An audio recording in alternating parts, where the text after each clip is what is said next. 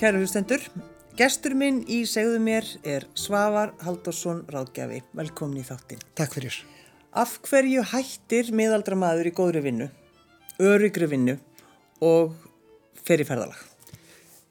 Af því að lífið er svo skemmtilegt. Já. Það hefur upp á svo margt að bjóða. Ég held að það að segja að því ég er ekki miðaldra. Já, ég, ég, sko, ég geta get alveg verið hérna, miðaldra. Ég er með grátt hár, jú, jú. en ég haga mér ofta eins og ég séu unglingur og hérna, kona minn segir að þegar ég fyrir á skýðu til dæmis og ef henni finnst ég fara glannalega þá segir hún, mundárt miðaldra ekki unglingur Já. Nei, en það er bara, sko, lífið hefur upp svo margt að bjóða. Það er svo margt, heim, margt spennandi í heiminum. Og ég er sér að dáka ég var í þessari þessu skínandi góða og, og, og skemmtilega starfi fyrir, fyrir bændur. Eh, þetta var hins vegar gríðarlega mikil vinna og ég var kannski að jafna að vinna ykkur á 60 uh, tíma á viku og þannig að þetta var ansi, ansi mikil kysla. Mm. En er það þannig svolítið þegar þú ert að vinna eitthvað sem þú er áhuga á svo að þá ferður bara einhvern veginn allur inn og það bara tekur yfir einhvern veginn? Já. Það er svolítið svo ger, já, góð já. skýring kannski. Já, það, ger, það gerist mjög mikið og, og hérna og, og, sko, og Þóra, kona mín var náttúrulega að gera svolítið grína í stundum sko hvaða bækur ég var með á náttborðinu. Mm. Þú veist, ég var með hérna, Söðfjörður á Íslandi, ég var með, með, eitthvað hérna, skýslu frá saminuðu þjóðunum um umhverfismál og eitthvað svona. Allt rosa sexy. Já, meðan hún var með sko nýjustu og heitustu skaldsögurnar. Já, en þú varst sko, þú varst í krefendu vinnu. Já. Þú varst með, og sem það var mikil sköpun og allt saman, það var Já. fullt af hluti sem þú gæst gert og bara Já. Eh, svona fá hugmyndir og svona, en þú bara hugsar, ég, hvað, ég er ekki ánaður, eða hvað? Jú, sko, ég var ánaður, en þetta var... Um, sko, uh, en kannski fyrst aðeins bara hvað, sko, starfið uh, var þannig að sko, þegar ég var, var frangatastjóri í landsamtaka Söðfjörbænda eh, ég var frangatastjóri fyrir eitt lítið nýsköpunumfyrirtæki fyrir markas og kindagjöts og síðan stofnuð við hérna, uh, markastofuna Æslandi Glamp mm -hmm. og þegar mest var þá var ég í fjórum frangatastjórastöðum það var þetta mismikli starfsemi. Eh, eh, þannig að þetta var rosa mikið. En, en sko ég ekki að gera frábær hluti. Ég ekki að hafa fórustum um um mótun sko, já, komum mjög mikið að mótun umhverjastefnu fyrir bæði bændarsamtökinu og söðfjörbændur mm. eh, neytendastefnu framtíðastefnu mótun bara í, í, til tíu ára og markastefnu uh, vegna markasetninga til, til dæmis erlendra ferðamanna sem hafði aldrei þar sem við byrja bara frá nulli mm -hmm. og fyrir svona mann eins og mig sem gafin að takast á við kræðjandi verkefni þá var þetta bara alveg frábært og, og bara frábær vinna en, en svo bara uh, var þetta allt sem komið á koppin og komið af stað. Og þá hérna uh, og svo bara koma tilvinnileginn í lífsins. Jú, jú. og þetta var þannig að, að, að Carlo Petrini stopnandi slófútsamtakana, hann kom til Íslands. Og uh, við auðvitað af því að íslenska söðkjöndin er í, í, í bræðverk food og þá þóttum við hæfi að við myndum gefa honum einu svonni kvöldmatt og við fengum kokkana á, á grillin og sögur sem við náttúrulega þekktum vel og vorum í samstarfi við eh, til þess að útbúa svona mjög flotta eh, lambakjöldsmáldíð og með eh, það sem allt ráðefni verið íslenskt og svo leiðis og það sem við sátum þarna og vorum að borða þá, þá hérna var hann að segja okkur frá, frá þessum háskóla sem er uh, University of Gastronomic Science sem er í Bra á Ítalíu og Slow Food samtökinn komu að stopnun háskólanins á sínum tíma fyrir einhverjum áratögum uh, og hann var að segja svona maður eins og þú ættir að koma og vera, vera gestafyrirlesari í háskólanum. Mm. og ég bara, já, já, það er bara gott. Og svo svona tveimur, þreimur dögum setna þá fór ég að eitthvað að skoða hann að skóla. Og sagði bara, nei, ég er bara að vera nefandi þetta er frábær skóli og, og hérna ég var með eina masterskráði og, og ég sagði, þú veist, Georg Bjartfjörðarsson var með fimm, ég get alveg með þrjár. Þú verður að ná þeim.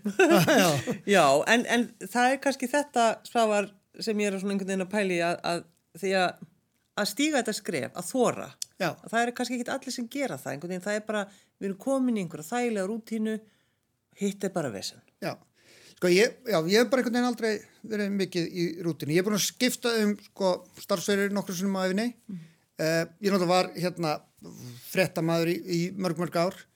Uh, þegar ég var hættur að spretta upp eins og stálfjórum mótnana þá sá ég að það var kannski rétt að, að hérna, fara að huga einhverju og velti svolítið fyrir mig hvað mér langa að gera og, og sá að mér langa að gera eitthvað sem við kemum í mat og þá fór ég hérna að skrifa bók, vinni einhvers konar alls konar verkefnum og, sem var bráðskemtilegt e, búið til sjónvarstætti og, og hitt á þetta og, og var síðan hérna sjanghæjaður í, í þessa vinnu fyrir bændur.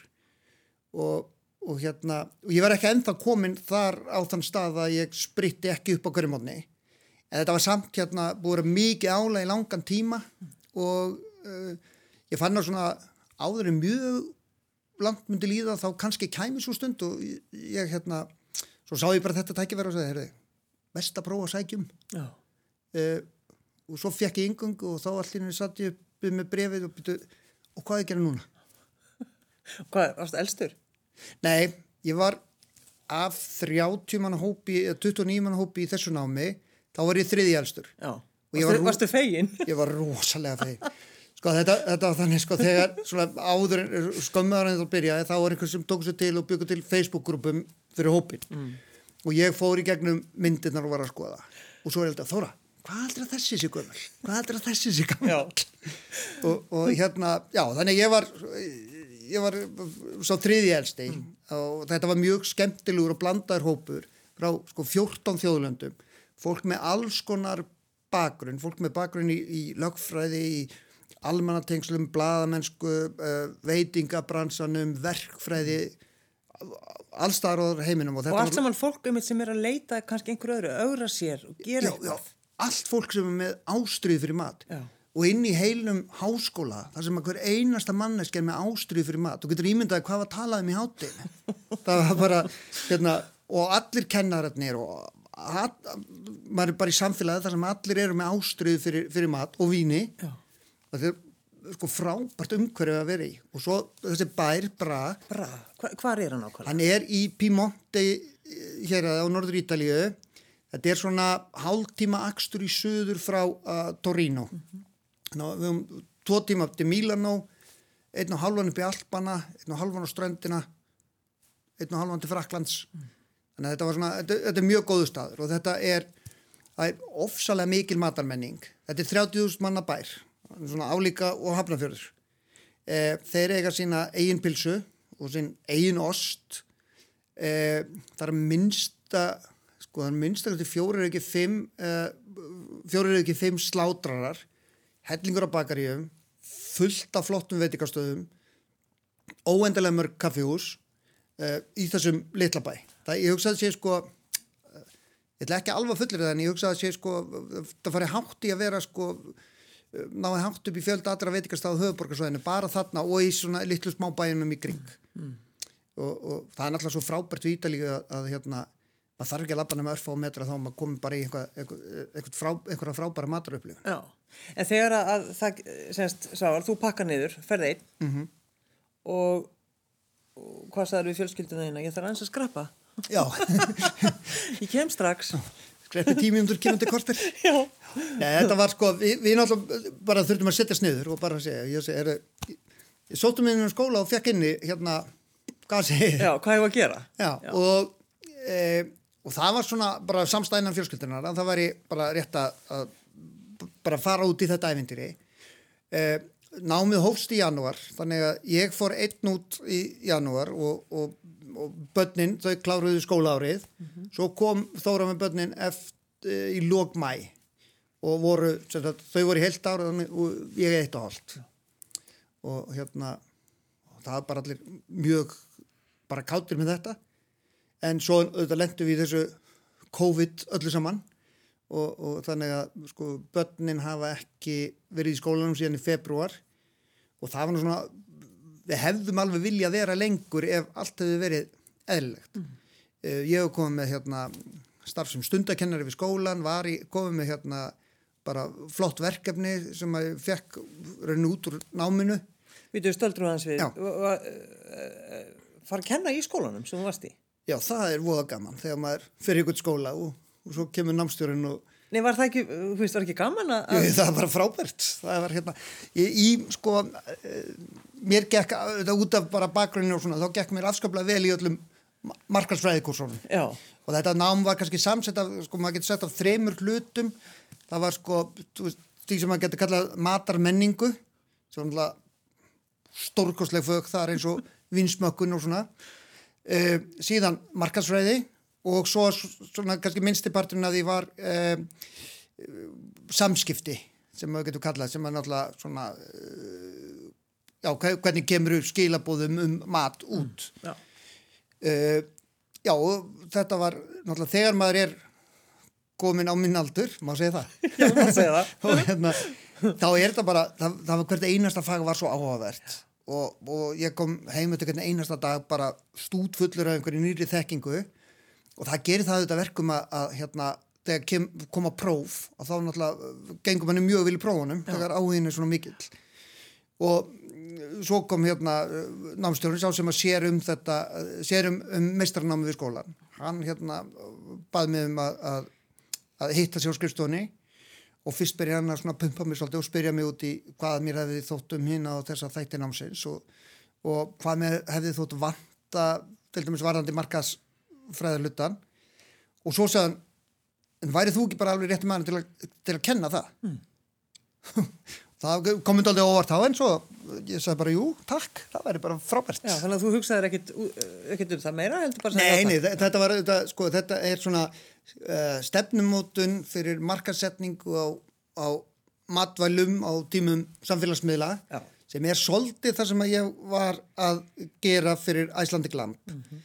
þannig að hérna uh, já, ég kann þetta svolítið og er einmitt núna til dæmis að, að vinna í sko, verkefni sem að, sem að það sem ég er að nýta þessa þekkingu líka Þannig að nei, ég þurfti ekki að, ekki að hugsa mjög mikið um og mér finnst þetta bara, ég var bínu monti bara þegar ég laði út. Já, var það ekki? Það, ég, sko, þegar þú byrjar að tala um lampi, þegar þú varst, uh, sko, maður horfi á því einhvern veginn, uh, sko, tala um slíkri ástriðu og maður hugsa, það, hann er nú bara, nú hann er alveg að verða galinn. og einhvern veginn bara, já, það bara tók einhvern veginn yfir. Já, já, já, það, það sko, það gerir það. Ég hef náttúrulega hef alltaf haft, hérna, Uh, eh, ástöru fyrir mat og kannski sko, fyrst og fremst að því mér finnst bara rosa gott að borða. Já. og sem hefur þró, svo þróast út í það ef maður ætlar að vera gott að borða þá gott að kunna eitthvað bínlítið elda. Uh, og síðan að vita hvaðan maturinn kemur. Svo spilar inn í þetta allt saman sko sagfræðin og, og menningin og, og ekki síst sko umhverfismálin. Mm -hmm. hvernig er virðiskeiðjan uh, hvað er hérna hvað er í kaffibóllanum mínum hvaðan kom þetta, voru nóttu einhver eituröfni og svo framvegis. Já, já. E, og þetta allt saman finnst mér ofsalega áhugavert og, og núna til dæmis e, síðustu mánuði hef ég svolítið verið að sökka mér ofan í sko sagfræði matar alveg áttur á steinöld. Og mér finnst þetta bara algjörlega geggjað. En, en þetta er bara svolítið þannig að, að hérna, þetta er svolítið e, áhuga mál og ástriða og Já. það er frábært þegar það getur farið saman við, við maður getur unni við það. Mm -hmm. En þú klárar þitt nám hérna í bra. Já, já. En það sem náttúrulega gerist að, að, að COVID kemur mm -hmm. og hvernig tókst ykkur bara að, ég ætla ekki að segja að lefið af, heldur bara þið í litlu, lit, litlu rými mm -hmm. uh, í ókunnugulandi. Mm -hmm. Hvernig gekk það? Það gekk förðu vel. Já. Það gekk förðu vel. Voruð það aldrei pyrruð? Voða lítið. Já. Uh, sko, ég sagði náttúrulega að hérna pappabrandararnir væri að verða súrari og súrari með hverju vikunni Þú hefur kannski fengið svona svip frá krokkum Já, já, akkurat, akkurat Og þess vegna eiginkonuðin líka. Já, samt alveg ótrúlega lítið, sko. Ekkert meir en vanalega. Nei, ég tók mér sko stekki eftir því. En sko, vorum, þetta var rungóð íbúð og allir uh, vorum með sérherbyggi þannig að fólk gata alveg verið inn í herbyggi en þetta, við ákveðum bara strax að ha, svona, hafa bara ákveðna rútinu það var bara settur í, í gang heimaskóli það sem að Mm -hmm. Þóra var uh, sjálfskeipaði skólastjóri af því hún kann ítur sko skilju námsbækunar það var bara frá 12 til 4 hverjum degi var heimaskóli. Mm. uh, stundum þurftu krakkarnir var í online tímum fyrir háti og voru þá bara á einhvers konar nettímum. Og svo bara alltaf kvöldmatur klukkan 7 og það, það, með því að halda þessari rútínu svolítið vel þá var þetta ekkert svo ræðilegt svo bara spilum við rommi og kan á kvöldin og, og bara uh, vorum að hérna, búa til eigin karjóki keppni með ítalskum lögum til að læra ítalsku og svona hitt og þetta. Já, en Þannig... þið máttu náttúrulega ekki fara neitt raun út, þetta var mjög stramt þarna á Ítali. Já, það var... Það voru al... rauninu bara eins og þið var í stofungils. Já, já, já, það var þarna, tvoður mánuði var sko alveg harðlokað og það mátti ekki sko, sko, eitt af því sem er frábært að bú í svona landi sem veður er ílega alltaf gott og kaffihús á hverju hodni, að maður lappar mjög mikið mm -hmm. ég lappaði og hjólaði mjög mikið eh, svo allt í ennum máttu maður ekki lappa út á kaffihús. Og, og hérna eh, maður máttu fara til búð eða í apotek. En svo var reynda regla þar sem að eh, þeir sem máttu hunda, þeir máttu fara út að ganga með hundin og Ídalinni gerði það mjög mikið. Og svo mér að segja voru þeir að lána hverjir öðrum hundarna sína og byggur til Facebook-grúpu þar sem var að fara lánaðan hund til að fara í göngutúr. Allir hundarnir örmagna alltaf í göngu. Þeir eru allir í rosa fínu formi núna. Já, það fá lánaðan hennan hund. Já, þetta er náttúrulega og, og, og apotekið var sko í bara sum, sama húsi og því að því maður mátti fara út í apotek já, já, já. Hvernig gafstu, þú veist, það er náttúrulega óþálandi bara þurfa að lappa niður stegan Já, já, en sko alltaf þegar það var opið þá var sko laung byðröð Já og þannig að ef maður vildi fara í byrjun og viðra sig þá var það bara fínt. En svo þurfti ég alltaf að krækja fyrir byrjunina og hún gæti verið svolítið laung og alltaf tveiri metrar á milli og maður vildi ekki fara í gegn einhver staðar. Þegar fólk var mjög hart og það var mjög margir sko, ef að fólk var ofnálegt eða ekki með grímu eða einhvers og leiðis þá var sko bara náungin var mjög uh, eh, dögluð við að benda á það. Mm. og fólk let bara vita. Já. og hérna og ég lendi því bara út í búð að einhverjar ítalska konu voru að skamma mig og ég skildi ekkert hvað það voru að segja. Svo allt í því þátt að já, þetta er gleitin og 50 best að taka að skrifa aftur Já, já nákvæmlega. Og, og hérna, en þetta var bara já, þetta gekk alveg rauninu ótrúlega vel og, og hérna e, það var alltaf nóg að býta og brenna. Mm. og e, þegar maður er sko í frábærum félagskap með aðgengið að sko frábærum mat e, þá er eiginlega voða erfitt að kvarta mm. þótt maður komist ekki jafn mikið út og maður vildi Nei, nei, nákvæmlega reynda fórum stöndum út í, í, með bolta út í svona lítið Malbeka port sem var bak við já. blokkina Og mátt, þið máttu það? Við máttu það, það já. var sko innan lóðarinnar Já, já Og svona vorum að svona, sparka í bílskorana og svona eitthvað En þetta er bara þegar maður hugsaður um þetta, þetta er náttúrulega bara eitthvað svo, svo, er svo skrítið einhvern veginn. En svo það sem að þið uh, gerðu, það var svona eins og fá svolítinn hattrættisvinning, svo var, það er til dæmis að standa í fenauðum, mm -hmm. standa einhver staðar, einhverju torki, alveg saman hvaða torkið er, og það er engin. Nei. Það var, sko, eftir að það mátti ferðast á melli hér að það í Ítalíu sem var þetta mannamótin mæjúni, mm. þá vorum við búin að ákveða að fara heim sem við gerðum í, í byrjun júli og við ákvæðum bara að taka þennan mánuð svolítið grimt í ferðalög. Og við fórum til dæmis til fenni og vorum þar á Markusatorkinu þar sem að sko vanalega er ekki þverfóta fyrir fólki. Það er eiginlega bara ekki hægt að fara vangað og við stóðum bara við endatorksins stiltum krökkunum við, við kirkjuna í fjarlæri baksin og tókum myndir. Og það var engin túrist inná við tókum myndir á spænsku tröppunum í Róm. Og það bara jöfna, við fengum einhvern til að taka mynd og við stóðum bara fimm fjölskyldan og bara engin annar í spænska trópan og ég hef komið þangar nokkur sinnum og, og það er bara alltaf allt trúðið af fólki. Já, ég veit það. Og fyrir neðan gósbrunni það fyrir neðan það er bara, þú gósbrunni Já. Já, og svo vorum við alls konar skemmtilegum heimsóknum við heimsóknum e, bíflugnabóndar sem við þekkjum og við vorum í hín og þessu og bara nutum þess að, að hérna hafa þennan síðasta mánuð á Ítalíu mm. þar sem allt var opið og vorum eiginlega ekki að teima hjá okkur þann mánuðin sko. En eins og í, í fennugjum voru veitingastæðir opnir og svona þegar þú þegar þið komið á hana? Já, sömur og, en maður sá samt sko það var stór hluti sem að, uh, var lokaður. Svo, ég veit ekki hvað maður að segja, kannski þriðjungur. Uh, og algjörlega ljósta að það er mjög margir sem að lifa þetta ekki af. Og við vorum þarna að spjalla við, við, við eitt veitikamann og hann sagði bara við erum hérna í, í, í sko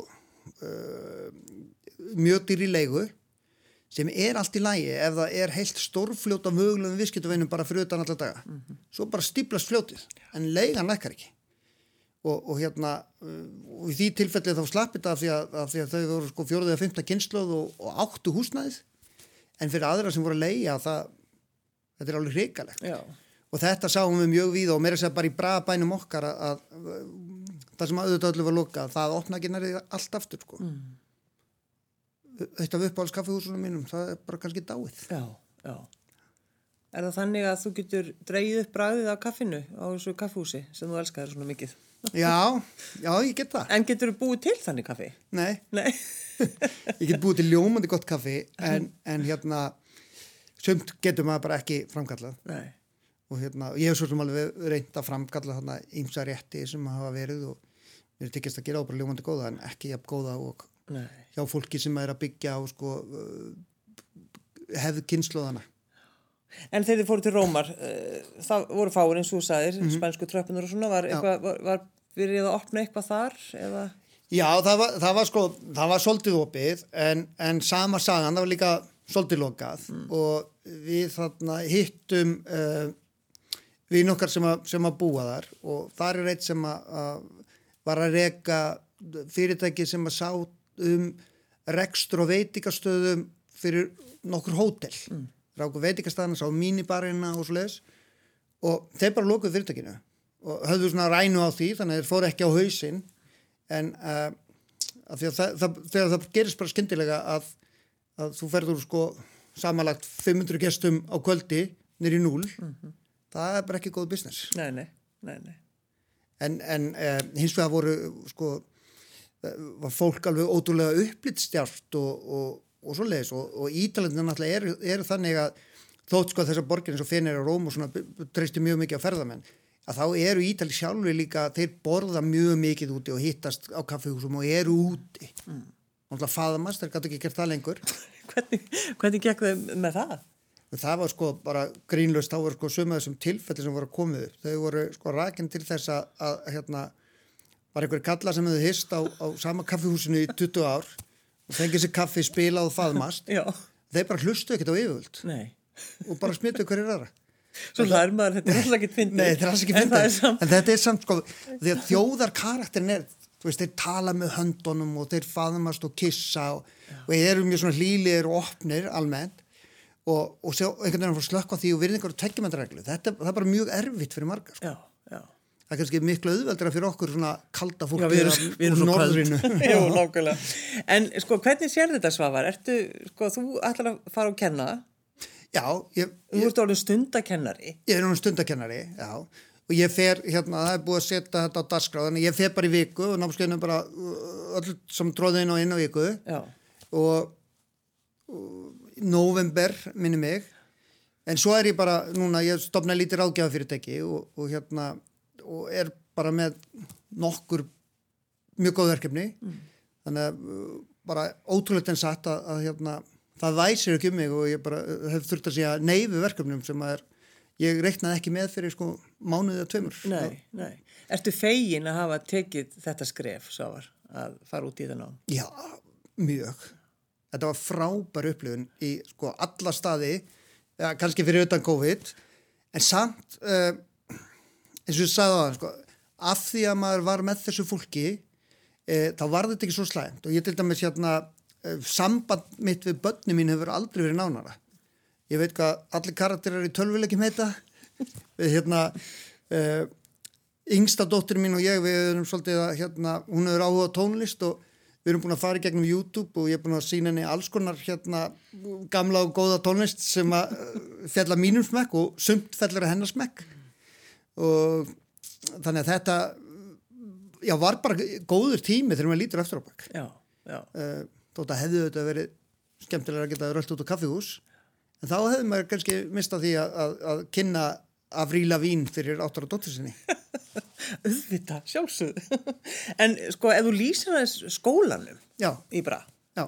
er þetta, stórbygging hvernig, uh, hvernig er þetta? Þetta er svona, skólinn er í, svona í grunninn í gömlum herragarði í, uh, sko, hann er í litlu þorpi sem að uh, heitir Polensó er rétt fyrir utan bra og er, til er í sveitafélaginu samt sem aður og, og þetta er gamalt þorp frá sko, Rómvest og inn í miðjum bænum eru er leifar á gömlu ringleikahúsi og það er ótrúlega skemmtilegt sko því að þegar Rómaveldi fjall þá notuður ringleikahúsin ringleikahúsin svolítið sem grunn fyrir hús.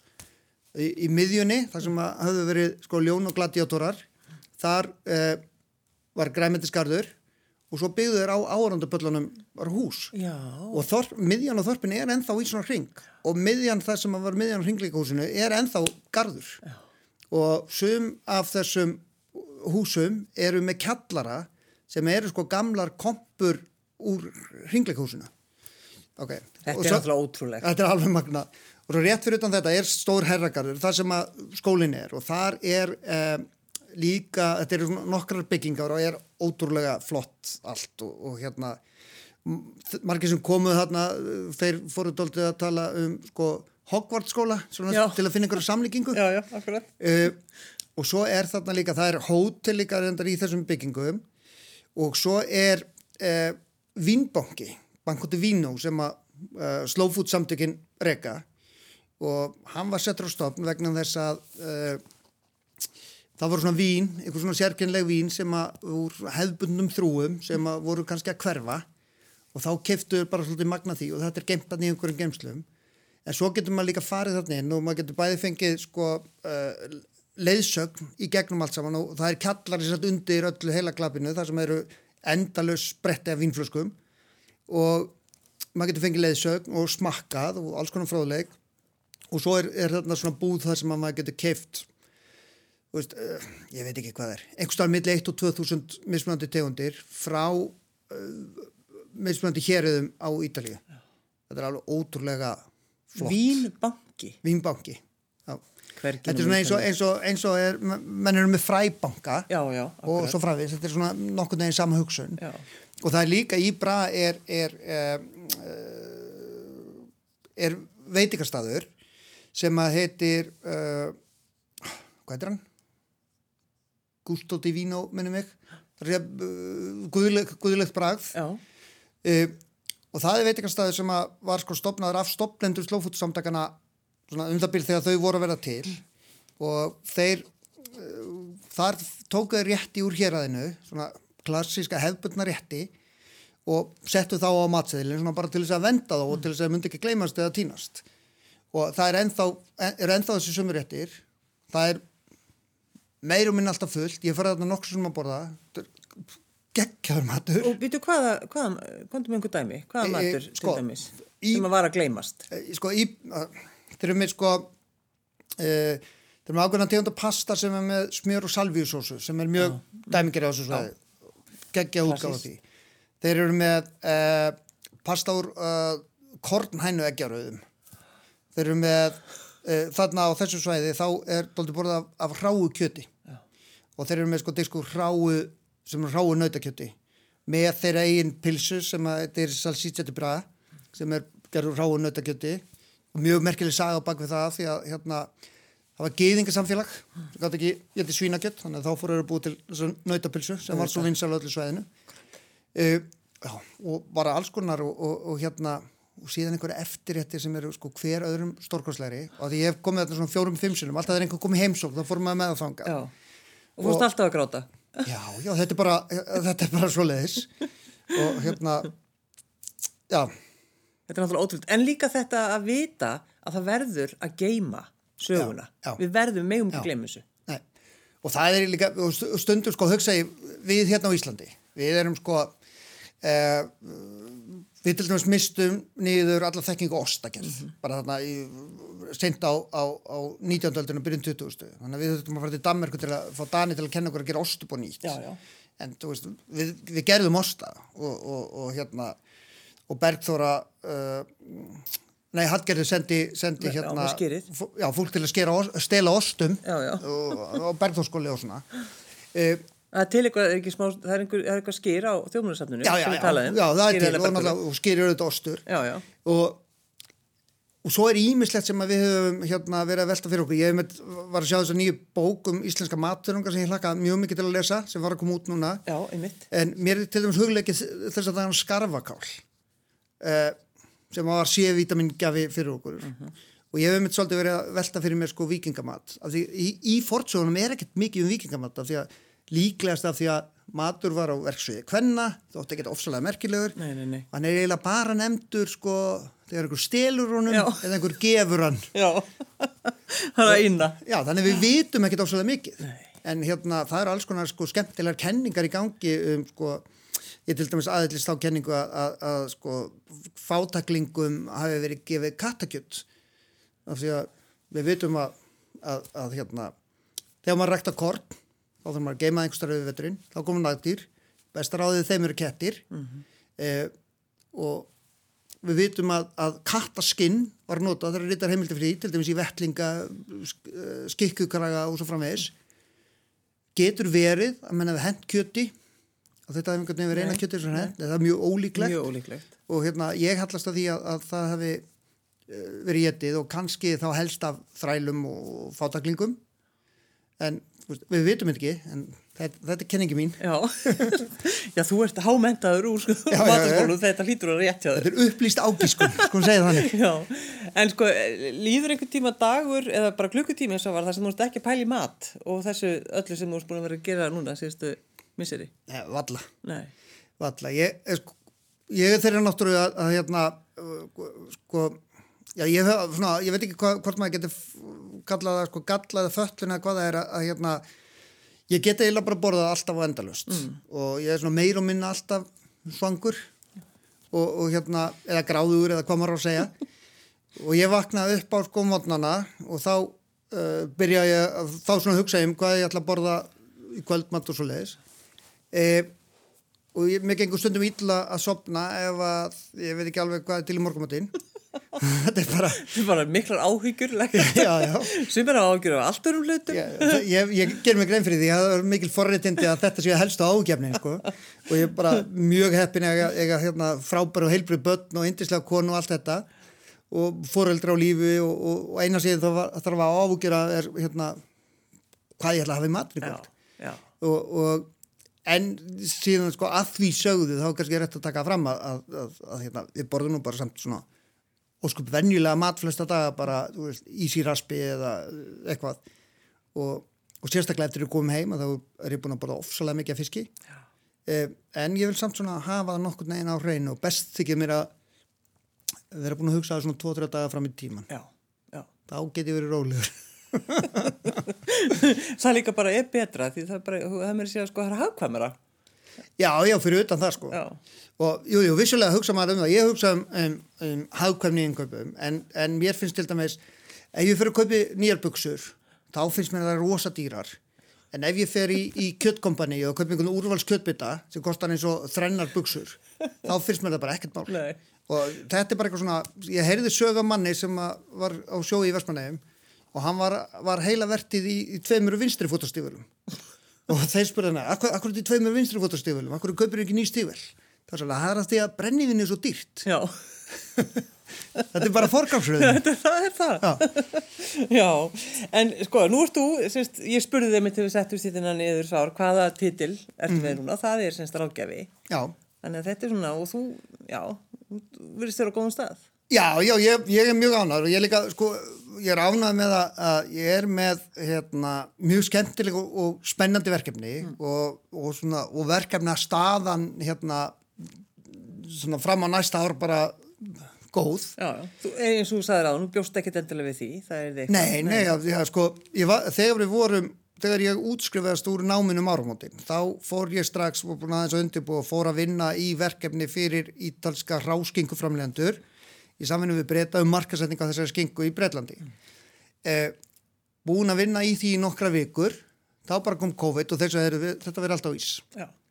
og maður bara, ah, ég er ekki búin að senda reikningana. Já, og, og hérna og svo bara var einhvern veginn allt í miklum róliheitum og ég var eiginlega bara búin að hætta við að hætta við að verða ráðgjafi í öllu COVID-fári og sótti bara um nokkuð störf og eitthvað svona og, og hérna jú, sem var mjög áhugavert og, og hérna ég lærið á hvernig svo leiðis ferli ganga fyrir sig og atvinnum vittur og svo leiðis en svo bara einhvern veginn þegar uh, sljákaði þessu COVID-fári þá bara fór að lifna yfir öllu. Mm. og uh, þegar ég kom heim þá var þetta bara orðið þannig að, að hérna ég tók nokkra fundi hérna fyrstu dagana og þurfti bara að segja takka neytakk við, við verkefnum og það er auðvitað forréttenda stað að vera í mm. mikið nýti mikið til að forréttenda ég veit það wow. þetta er ót, ótrúlega heppin ég er ótrúlega Já. heppin en sérðu þið alveg sko halda áfram að, kenna þarna veist, sérðu þið einhvern veginn stakka kannski eða hvað Já, það getur vel verið sko. eða þú ég... kannski þurfa ekki að pæli því endilega nei, nei, nei. Sko, nú er allt svo óvist út af þessum uh, faraldri og, já, já. Og, uh, en ég sé sko, ég var uh, satt, þetta innan námskeið og, og var síðan sko farin að hefja undirbúning á öðru námskeið sem við vildu líka fá mig til að kenna sem var sér að e, e, markaðsetning á hágeða evropsku mat uh, í Asju og það er svona, það er bráðum að vera tilbúið það námskeið en ég seti það nú bara líka á ís þegar allt fór á ís. En ég sé fyrir mér sko draum, drauminu sá að geta geta verið svona einhvers konar blöndu sinna einhverjum áhugaverðum verkefnum hér kenna einhver svolítið á Ítalíu. Ég vil leiða sko, ég vil leiða sumrunum í Íslandi, veist út í eigum, uh, vestur og fjörðum upp á fjöllum því íslensk sumur eru besti heimi. En höstin ekki alveg ja, eindislega endilega alltaf. Þá er voða gott að geta, geta sko framlengt sumarið með því að vera smá tíma til dæmis á Ítalíu eða einhver starf annar staðar. Þetta er allt galopið. Þetta er allt galopið. Forgarsröðunin er, er bara eh, fyrst hugsaður maður um fjölskylduna svo hugsa maður um að njóta lífsins og numur þrjú að, að, að hérna, uh, sjá sér farborða. En það er einhvern veginn þannig að, að held ég að ef maður nýtur lífsins og hefur ánægja því sem maður er að gera þá munir það alltaf einhvern veginn gerast að maður fái næja öðra til að borga reikningana? Það er mín reynsla. Sváar Haldursson Ráðgjafi. Takk fyrir að koma. Takk fyrir mig.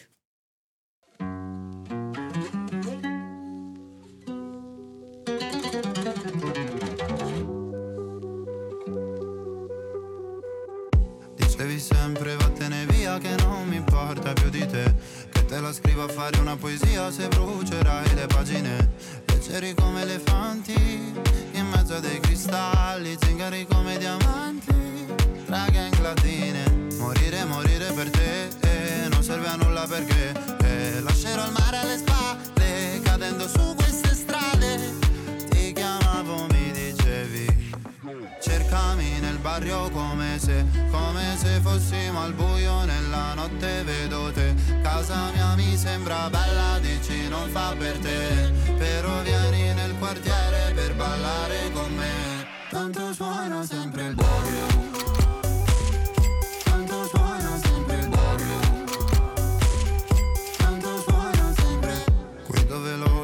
Corsia ma non per arrivare a te. Se devo scalare la tua gelosia preferirei Bevevo acqua con occhi soltanto per calmarmi. Giocavo coi videogiochi per non uscire. Morire, morire per te eh, non serve a nulla perché eh, Lascerò il mare alle spalle cadendo su queste strade. Ti chiamavo, mi dicevi Cercami nel barrio come se, come se fossimo al buio nella notte vedo te. Casa mia mi sembra bella, dici non fa per te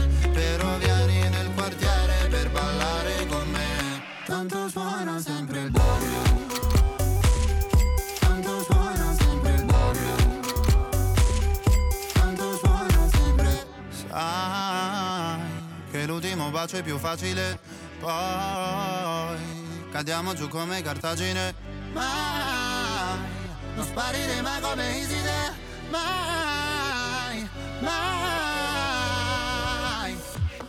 Cercami nel barrio come se Come se fossimo al buio nella notte vedo te. Casa mia mi sembra bella Dici non fa per te